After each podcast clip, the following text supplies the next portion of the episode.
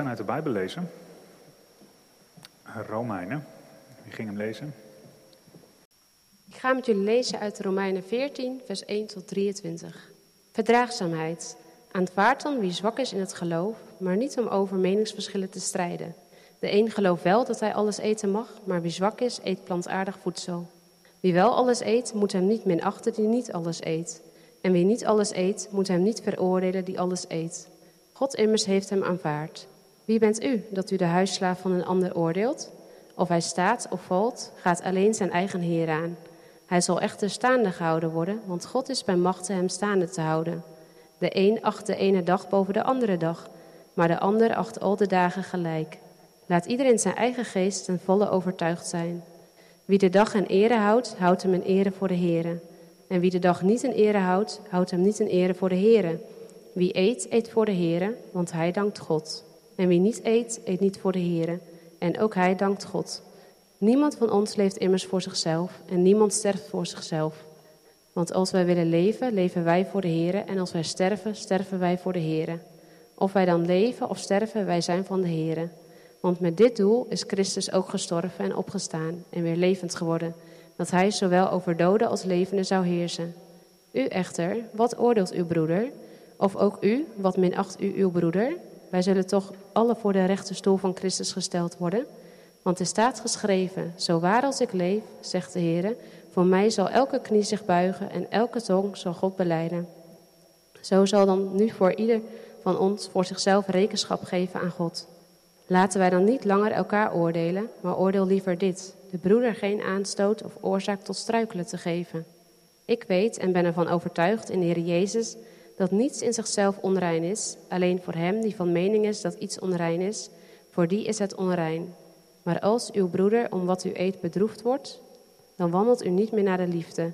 Richt door uw eten niet hem te gronden voor wie Christus gestorven is.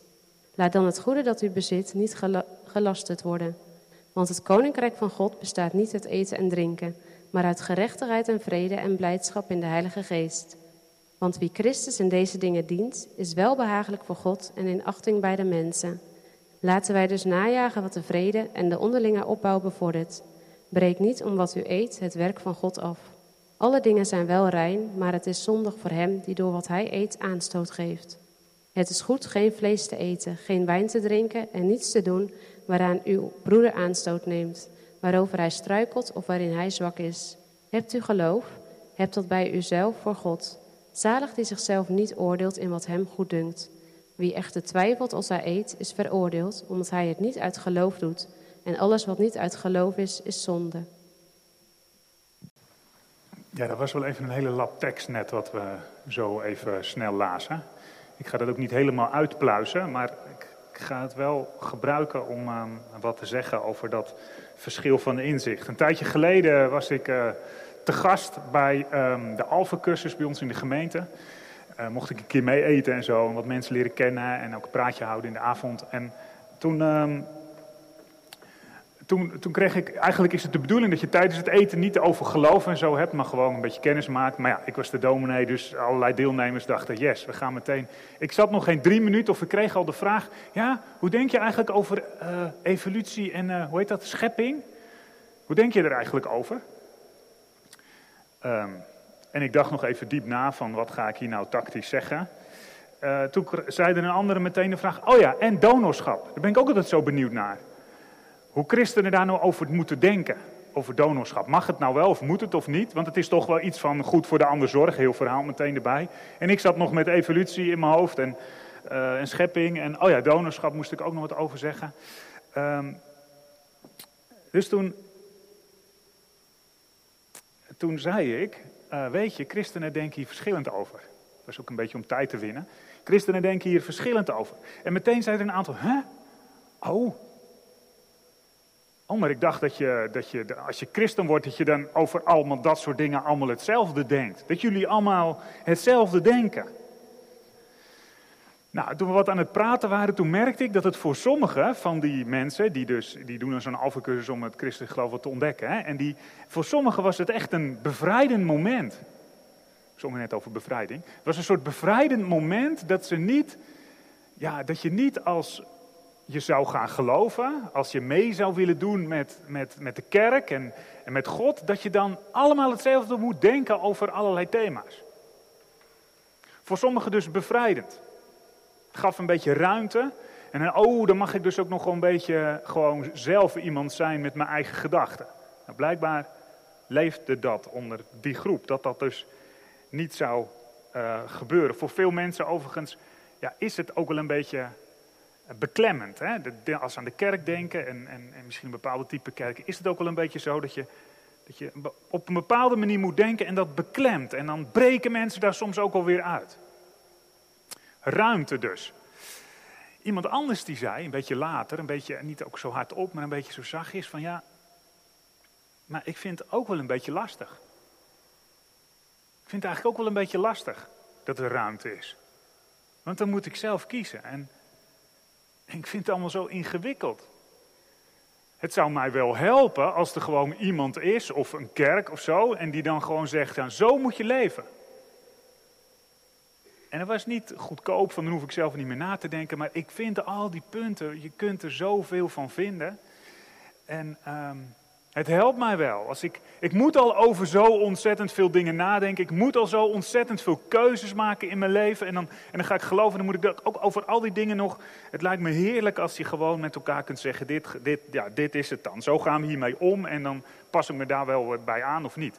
Ik, dat is een behoefte ook in onze tijd, heb ik het idee. Ook onder jonge mensen, misschien ook onder oudere mensen. Maar in ieder geval onder. Ik werk veel met studenten in, in Utrecht. En, en ik merk dat soms. Dat ze dan denk ik, ze willen vrijheid en ruimte. En dan zeggen ze, zeg me waar het op staat. En natuurlijk, ze willen zich er wel toe verhouden. Ergens een beetje ruimte is nog wel oké, maar, maar het liefst toch ook gewoon van schepping, evolutie, zo zit het. Dit is het antwoord en dan weet ik het gewoon. Kijk, kan ik dat ook tegen mijn niet-gelovige vrienden zeggen en nou, dat op een bepaalde manier is het ook verwarrend als er gezegd wordt in de kerk: er is ruimte om te denken, om verschillend te denken over allerlei thema's. Um, ik merk dat dat nou ook eigenlijk in corona best wel een beetje speelt. Dat je denkt van ja, ga je er nou wel of wat over zeggen of niet? Hè? Er zo'n discussies onder dominees. Ga je een pleidooi voeren om te vaccineren of juist niet? Ik, ik doe het niet, hè, want dan word ik met... Maar, hè, dus dat dat is zo'n discussie van ik heb er argumenten voor, er zijn argumenten tegen, ook wel, geloof ik. Maar, um, hè, maar ga je natuurlijk, ja, daar moeten mensen zelf in kiezen. Toch voel je ergens van, ja, maar wat is nou, wat wil God hier nou in? Nou, dan heb ik dus goed en slecht nieuws voor je, als je daar uh, een antwoord op wil hebben. Um, misschien zeg je, oh ja, we hebben natuurlijk de Bijbel, toch? Dus je kunt altijd nog zeggen, wat zegt de Bijbel? En hoe moet je de Bijbel lezen over dit soort thema's?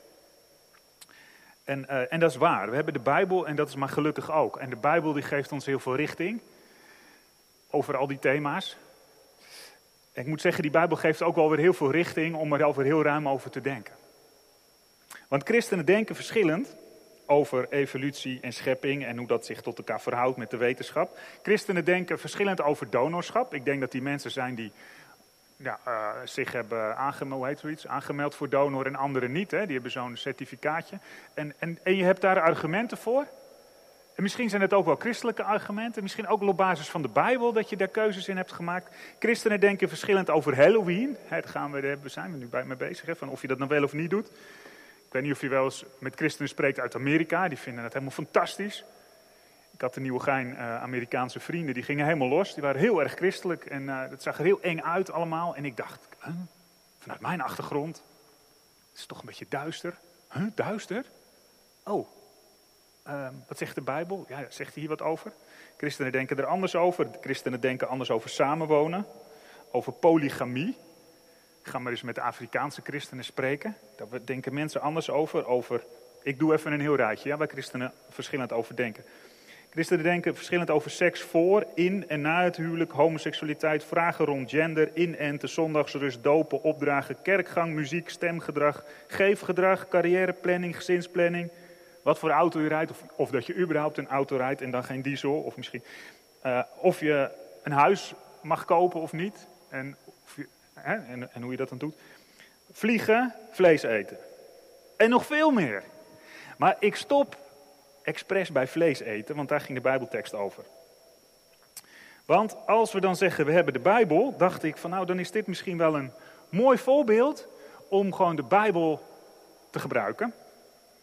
Want ik weet niet of jullie er overheen lazen, maar we begonnen net te lezen. Ik heb hier een andere vertaling, maar ongeveer hetzelfde staat er. Aanvaard mensen met een zwak geloof zonder hun overtuiging te bestrijden. En dan komt hij.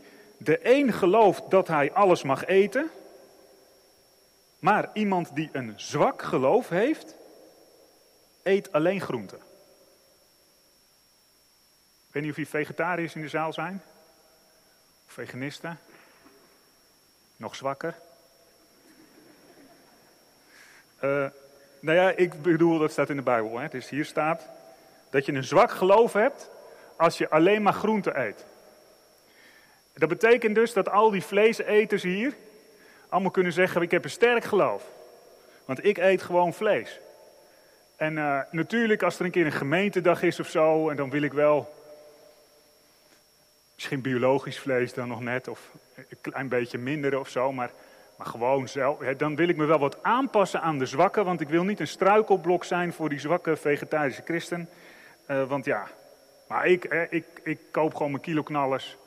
Want we maken het allemaal uit. Mag van Paulus. En het staat in de Bijbel. Ik maak het expres natuurlijk wel een heel klein beetje belachelijk, deze redenering. Het is vandaag hervormingsdag. Wist je dat Zwingli, een van de hervormers, dat die tijdens de vaste tijd, dat ze dan gingen barbecuen op straat. En al die katholieken die, eh, die mochten dan geen vlees eten. Dan gingen zij barbecuen. Ik dacht toch ergens een linkje naar de hervorming uh, vandaag. Um, maar dat was ook een beetje de gedachte van, ja, wij mogen dat gewoon. Die, misschien hadden ze toen ook wel Romeinen 14 erbij. Er staat nergens dat je die tijd moet vasten. Dus ja, waarom uh, laten we lekker uh, eten met elkaar. Maar goed, een letterlijke lezing van deze tekst kan niet vandaag. Althans, je kunt hem niet op die manier toepassen op vandaag. En het is heel simpel hoe dat komt, omdat de context waarin dit gebeurt anders is. De situatie van de mensen aan wie deze brief werd geschreven was wat anders. En de reden dat de mensen geen vlees aten, had helemaal niks te maken met een reden waarom mensen vandaag de dag geen vlees eten. Het was een totaal andere aanleiding. In die tijd was het zo dat mensen geen vlees aten. De mening is er nog een beetje over verdeeld dat het nou exact is. Maar de ene groep was, dat waren mensen die uh, tot geloof waren gekomen. Um, en die, uh, die wisten niet zeker of het vlees wat ze zouden eten, of dat wel koosje was. Of dat op een goede manier bereid was. Dus dan kon je maar beter niet eten. Andere groep uitleggers, en ik denk dat die dichter erbij zitten, die gingen, je kon niet weten of het offervlees was, of het geofferd was, aan, uh, gebruikt was in de tempeldienst als offer voor de, voor de goden. En uh, eerder was al gezegd in Handelingen 15, in het grote apostelconvent, was er ook een verschil van inzicht over allerlei dingen. Toen zeiden ze, dan hadden ze afgesproken, offervlees, daar moet je je van onthouden. En er waren dus christen die zeiden, die doen we, dat niet, die doen we niet. En Paulus die zegt dat het dan weer niet uitmaakt, dus ingewikkeld. Maar goed, um, dat was een reden. Dus ze aten alleen maar plantaardig om te voorkomen dat ze iets zouden eten wat of verkeerd was bereid, niet volgens de regels, of dat het aan de afgoden gewijd was. En dat konden ze niet over hun hart verkrijgen om dat te eten. Dat deed hen wat in hun dienst aan God. Um, en daarom um, geen vlees.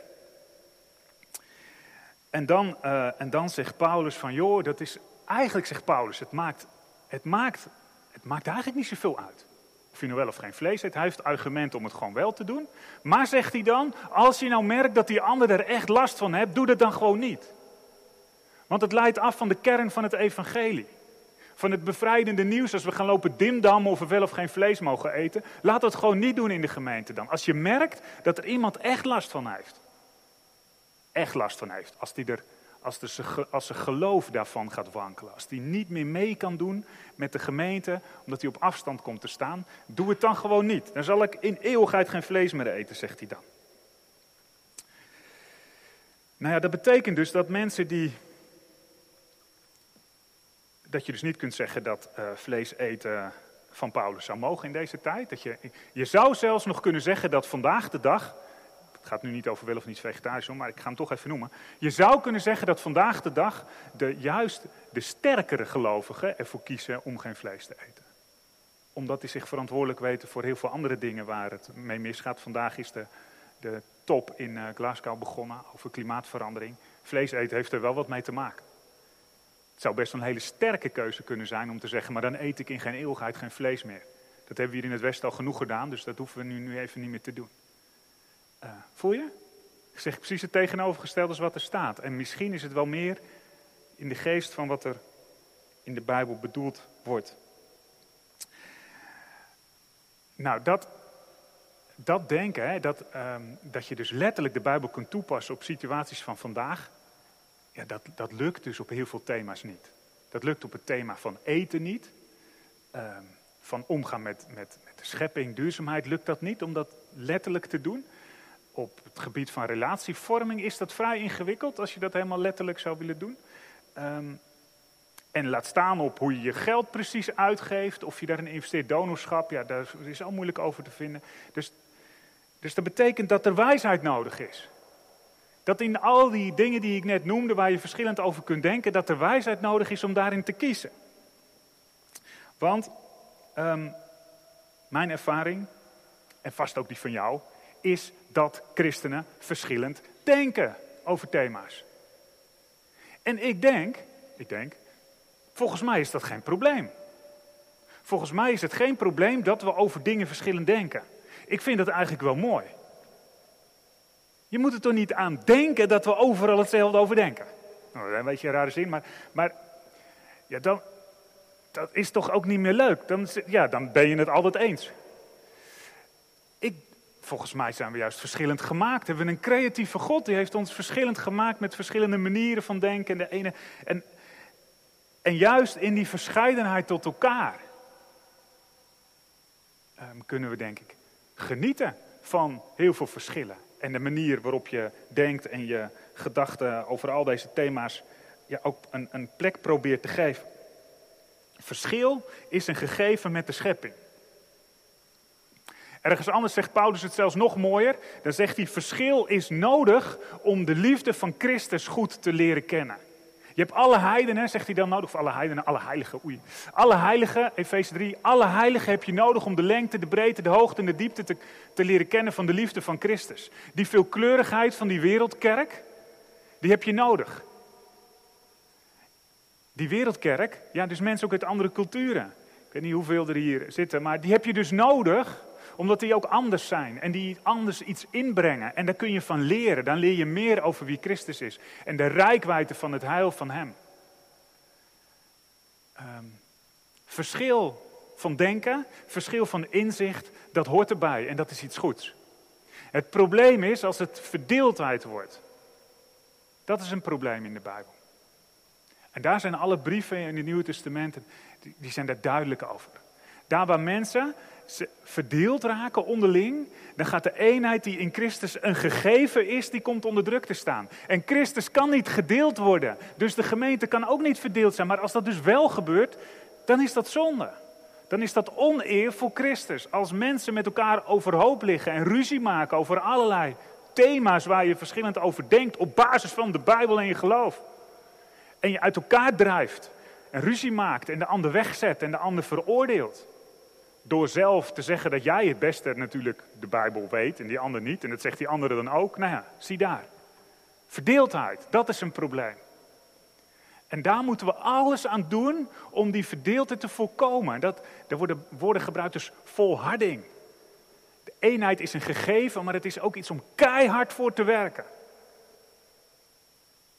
Ja, want als er verschil van inzicht is, dan kun je natuurlijk heel snel denken van nou, dat vinden we ingewikkeld. Als we nou een groepje hebben die eventjes erover nadenken, hè, heb je een probleem in de kerkraad zal dat hebben, eh, dan, dan, dan denk je van hoe denken wij hier eigenlijk over in de kerk? Denken we er eigenlijk wel over? Hebben we er wel eens over gehad? Nee, lastig, ja. Moeten we dat dan doen? Ja, nou, dan moet de kerkraad gaan nadenken over iets. En er zijn een paar mensen die dan anders denken in de kerkraad. Ja, hoe doen we dat nou? Ja, Misschien moeten we stemmen. Nou ja, maar dat kan toch niet in de kerk eigenlijk? Stem van de meerderheid, mag dat eigenlijk wel? Ja, wat zegt God dan? Ja, ik denk dat God dit zegt. Ja, maar kijk, ik zou dit denken. En in de gemeente denken mensen ook nog verschillend. En dan komt er soms ook nog een soort notitie. Ik weet niet hoor of, of jullie er aan doen, maar dan komt er een soort notitie. De kerkraad heeft met mensen gesproken, de Bijbel gelezen en de kerkraad vindt dit. Dus nou, nou zijn we eruit. Oh ja? En die ene die, die zich daar niet in kan vinden, waar moet die dan? Moet die dan weg? Dat hij een andere mening heeft, omdat hij de Bijbel anders verstaat? Het leven met God anders beleeft? Voel je wat er gebeurt? Als je met elkaar gaat vaststellen. Zo denkt God. Over dit thema.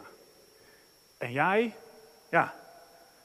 Nou ja, je mag er misschien nog wel een beetje bij horen, maar sommige dingen mag je dan niet. Zoiets krijg je dan. Hè? Krijg je dat soort.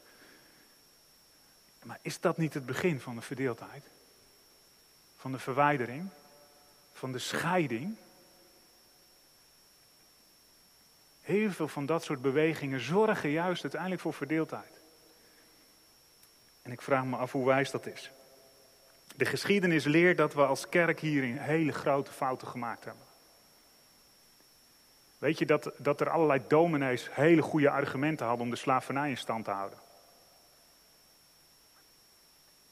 Daardoor heeft het gewoon in Nederland nog even wat langer geduurd voordat het werd afgeschaft. Er waren onder andere dominees. Met de Bijbel in de hand. Want ja, over slavernij kun je de vanuit de Bijbel best wel. Als je op een bepaalde manier leest, kun je best wel argumenten vinden. Dat je slavernij nodig hebt. En dat de een mens minder is dan de ander. Maar inmiddels beseffen we dat hebben we niet goed gelezen. Daar hebben we in gezondigd. Als gelovigen, vroeger als kerken. Laten we uitkijken dat we dat vandaag niet weer doen natuurlijk. Dat we niet weer denken en nou weten we het en vervolgens een hele groep mensen. Nou ja, Maar hoe dan, hè? Ik dacht aan een verhaal die ik uh, ooit, uh, ooit ergens las. Misschien ken je het wel. Um, ik vind het een mooie metafoor. Het gaat over, uh, over herders in Australië. Die schijnen um, die grote vlaktes waar ze dan met hun schapen lopen. Um, en het is niet te doen om overal hekken neer te zetten. Om die schapen zeg maar, te beschermen en bij elkaar te houden. Maar wat ze daar doen, ik heb me dat maar laten vertellen, maar ik vind het gewoon een mooi beeld, dus daarom. Hè. Dus uh, wat ze daar doen is niet zozeer allerlei hekken neerzetten, want dan ben je echt oneindig bezig. Maar wat ze doen is bronnen slaan. Waterbronnen. Want dat hebben die schapen nodig. Water. En dan, gaan, dan dwalen ze soms wel eens een stukje weg. Maar ja, dan komen ze wel weer bij die bron. En ik vind dat een prachtige metafoor voor de kerk. In ieder geval eentje om, om goed uit te proberen, zeg maar. Wie is de bron? Wie is de waarheid? Wie heeft alle waarheid en wijsheid in pacht? Dat is Jezus Christus, de weg, de waarheid en het leven. Hij is de bron. En die bron moet helder zijn. En bij die bron ontmoeten we elkaar. En er zijn geen hekken die ons van elkaar afscheiden. Nee, want bij de bron is er ruimte. Bij Jezus Christus is er ruimte. Kijk hoe Jezus met allemaal mensen omging die over van alles verschillend dachten. En hij ging met ze in gesprek. Bij de bron kun je met elkaar in gesprek. Het is niet vaag. Bij de bron, dat is juist zeer kernachtig. Bij Jezus Christus. Daar elkaar ontmoeten. Daar verschil van de inzicht. Gewoon ook benoemen bij de bron. Niet van tevoren zeggen, je moet zo denken, maar bij de bron. Hoe denk jij? Jij bent ook bij de bron. Jij hoort ook bij Jezus Christus. Hoe doe jij dat? Hè? Ik vind het een beetje ingewikkeld. Want ik merk dat jij dingen doet, wat volgens mij, als ik de Bijbel lees, maar je bent ook bij de bron. Hoe doe je dat? Elkaar bevragen. Dat wel, hè? Het mag best radicaal zijn. Als je Jezus volgt, als je met elkaar zegt, ja, wij willen vanuit de bron Jezus volgen, dan is dat het argument. Of je Jezus volgt en hoe je dat dan doet in jouw situatie. Als je anders denkt over allerlei thema's. En dat je dan die ander blijft zien en blijft zoeken en probeert vast te houden. Ik, uh, ik moest het niet al te lang maken, heb ik gehoord. Maar, maar als je Romeinen 14 nog even goed doorleest, dan zie je daar eigenlijk allerlei uh, handreikingen die Paulus ons geeft om dat leven bij de bron vol te houden. Maar dat begint met de aanvaarding van elkaar. Aanvaard elkaar. En in hoofdstuk 15 zegt hij: aanvaard elkaar zoals Christus ook u aanvaardt. En vanuit die aanvaarding van elkaar werkt Paulus, dat schrijft hij in hoofdstuk 15, werkt Paulus toe naar de lofprijzing. Want hij zegt, Joden en heidenen, die in Christus één zijn geworden, dat is het enige doel dat zij met elkaar God groot maken. Dat is het doel van kerk zijn. Dat is het doel van bij de bron Christus zijn, is dat we Hem groot maken. En verschil van inzicht, waar dat leidt tot verdeeldheid, leidt dat ook tot oneer van God. En dat is geen aanbidding. Dat is geen eredienst. Dat is niet God groot maken. Daar waar ons gedoe onderling de aanbidding in de weg staat, daar moeten we eens even flink nadenken. Bij de bron, elkaar ontmoeten. En daar is het veilig ook om anders te denken en om elkaar te bevragen. Om ruimte te maken. Om niet neer te zien op elkaar, maar om de vrede te zoeken. Allemaal woorden die in deze tekst voorkomen. Om te beseffen, wij zijn van de Heer en Hij oordeelt en ik hoef niet te oordelen. Uh, en daarom jaag ik de vrede na en zoek ik er alles in om de onderlinge opbouw te bevorderen. Bij de bron, daar moet je zijn met je verschil. En dan, denk ik, geloof ik van harte, kunnen we het oneindig lang met elkaar uithouden. Ook al denk je nog zo verschillend over van alles en nog wat. Bij de bron is er ruimte. Amen.